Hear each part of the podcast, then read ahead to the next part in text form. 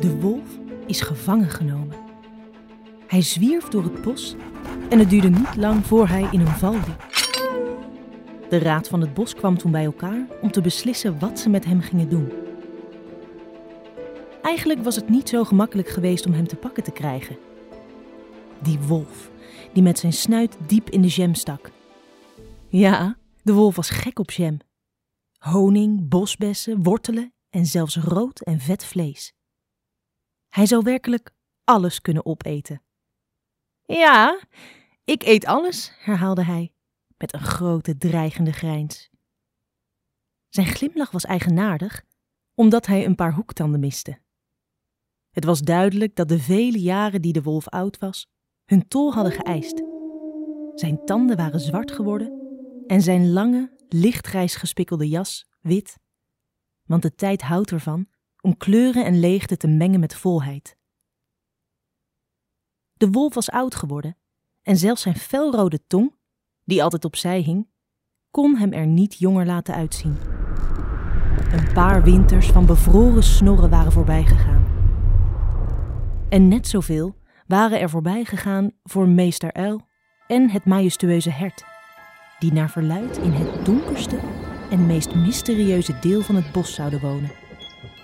Daar ga ik nooit of te nimmer heen, zei de wolf eens, refererend naar dat deel van het bos. Waarom? Ben je bang voor het hart van het bos? vroeg Erika het stinkdier met haar grote ogen. Natuurlijk niet. Ik ben nergens bang voor.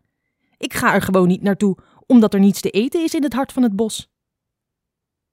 De wolf had Erika het stinkdier voor de gek gehouden. Door de tijd heen had hij geleerd dat het beter is om een leugen altijd met een klein beetje waarheid te besprenkelen. Dus loog hij niet toen hij zei dat er niets te eten is in het hart van het bos. Tussen de kromme bomen en de vele rotsen met mos, langs de steile heuvels, waren alleen bessen en paddenstoelen te vinden. Maar die werden meestal opgegeten door wilde zwijnen of de bruine beer. Het was heel duidelijk, en dat was nog belangrijker, dat in het rijk van het majestueuze hert niemand ook maar één braambes mocht plukken zonder zijn toestemming. En de wolf wou liever niet in de problemen komen, omdat het majestueuze hert nogal opvliegend kon zijn. De leugen daarentegen was iets anders. Weet je nog, toen de wolf zei: Ik ben nergens bang voor. Wel, dat is het juist. De wolf heeft eigenlijk veel angsten. Sommige waren absurd en andere waren wat ingewikkelder, maar hij was bovenal doodsbang voor het hart van het woud en het majestueuze hert. Iedereen is ergens bang voor. Je kunt dit gevoel onmogelijk niet hebben. Zelfs volwassenen hebben angsten, maar soms houden ze die geheim, zelfs voor zichzelf. De enige manier om een angst te overwinnen, zei meester Uil, is om eerst toe te geven dat je bang bent. De wolf snoof terwijl hij met zijn ogen rolde. Hij haatte de wijze raad van de uil. En zo ging hij weer alleen verder om op zoek te gaan naar iets lekkers. De wolf wilde graag een grote ronde buik hebben, als een soort trommel. Zover was het nog lang niet, want hij was zo mager dat je al zijn ribben kon tellen. En precies hierom was hij in de val gelopen. Een sneetje brood met jam was net genoeg om hem in de val te lokken. Hij wilde het broodje pakken en ineens klapte de val dicht. Eekhoorns, konijnen en alle andere bewoners van het bos juichten. Iedereen applaudisseerde toen de wolf eindelijk gevangen was genomen. Dat zal je leren omdat je mijn schoonzus hebt opgegeten, riep iemand boos. En dat zal je leren omdat je in mijn staart hebt gebeten. En in mijn poot ook. Door jou doet het pijn wanneer het seizoen verandert. En er waren nog veel meer redenen om hem gevangen te houden. Zoveel dat een heel boek nog niet genoeg zou zijn om ze allemaal op te schrijven. Wacht, wacht, zei de wolf. Als ik jullie een verhaal vertel, willen jullie me dan vrijlaten?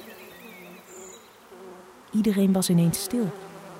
Zelfs de bijen die tussen de bloemen op de top van de heuvel zoemden. Wat voor verhaal? Vroeg Freek de eekhoorn.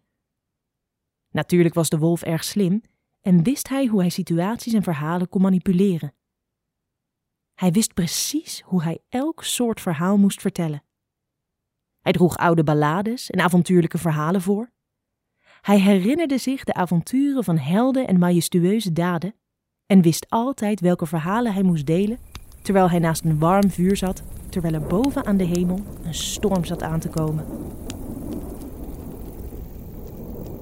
In de loop van de jaren had hij zijn fabels op bijzondere plaatsen verteld.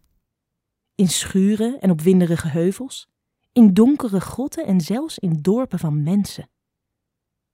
De wolf, die er lelijk en beangstigend uitzag, vertelde de verhalen zelfs in een klein ziekenhuis, waar dokters mensen behandelden of mensen hielpen die niet altijd genezen konden worden. Vertel ons een fabeltje en we laten je vrij, kraakte Karel de haai. Oké, afgesproken, grijnsde hij. Zal ik beginnen?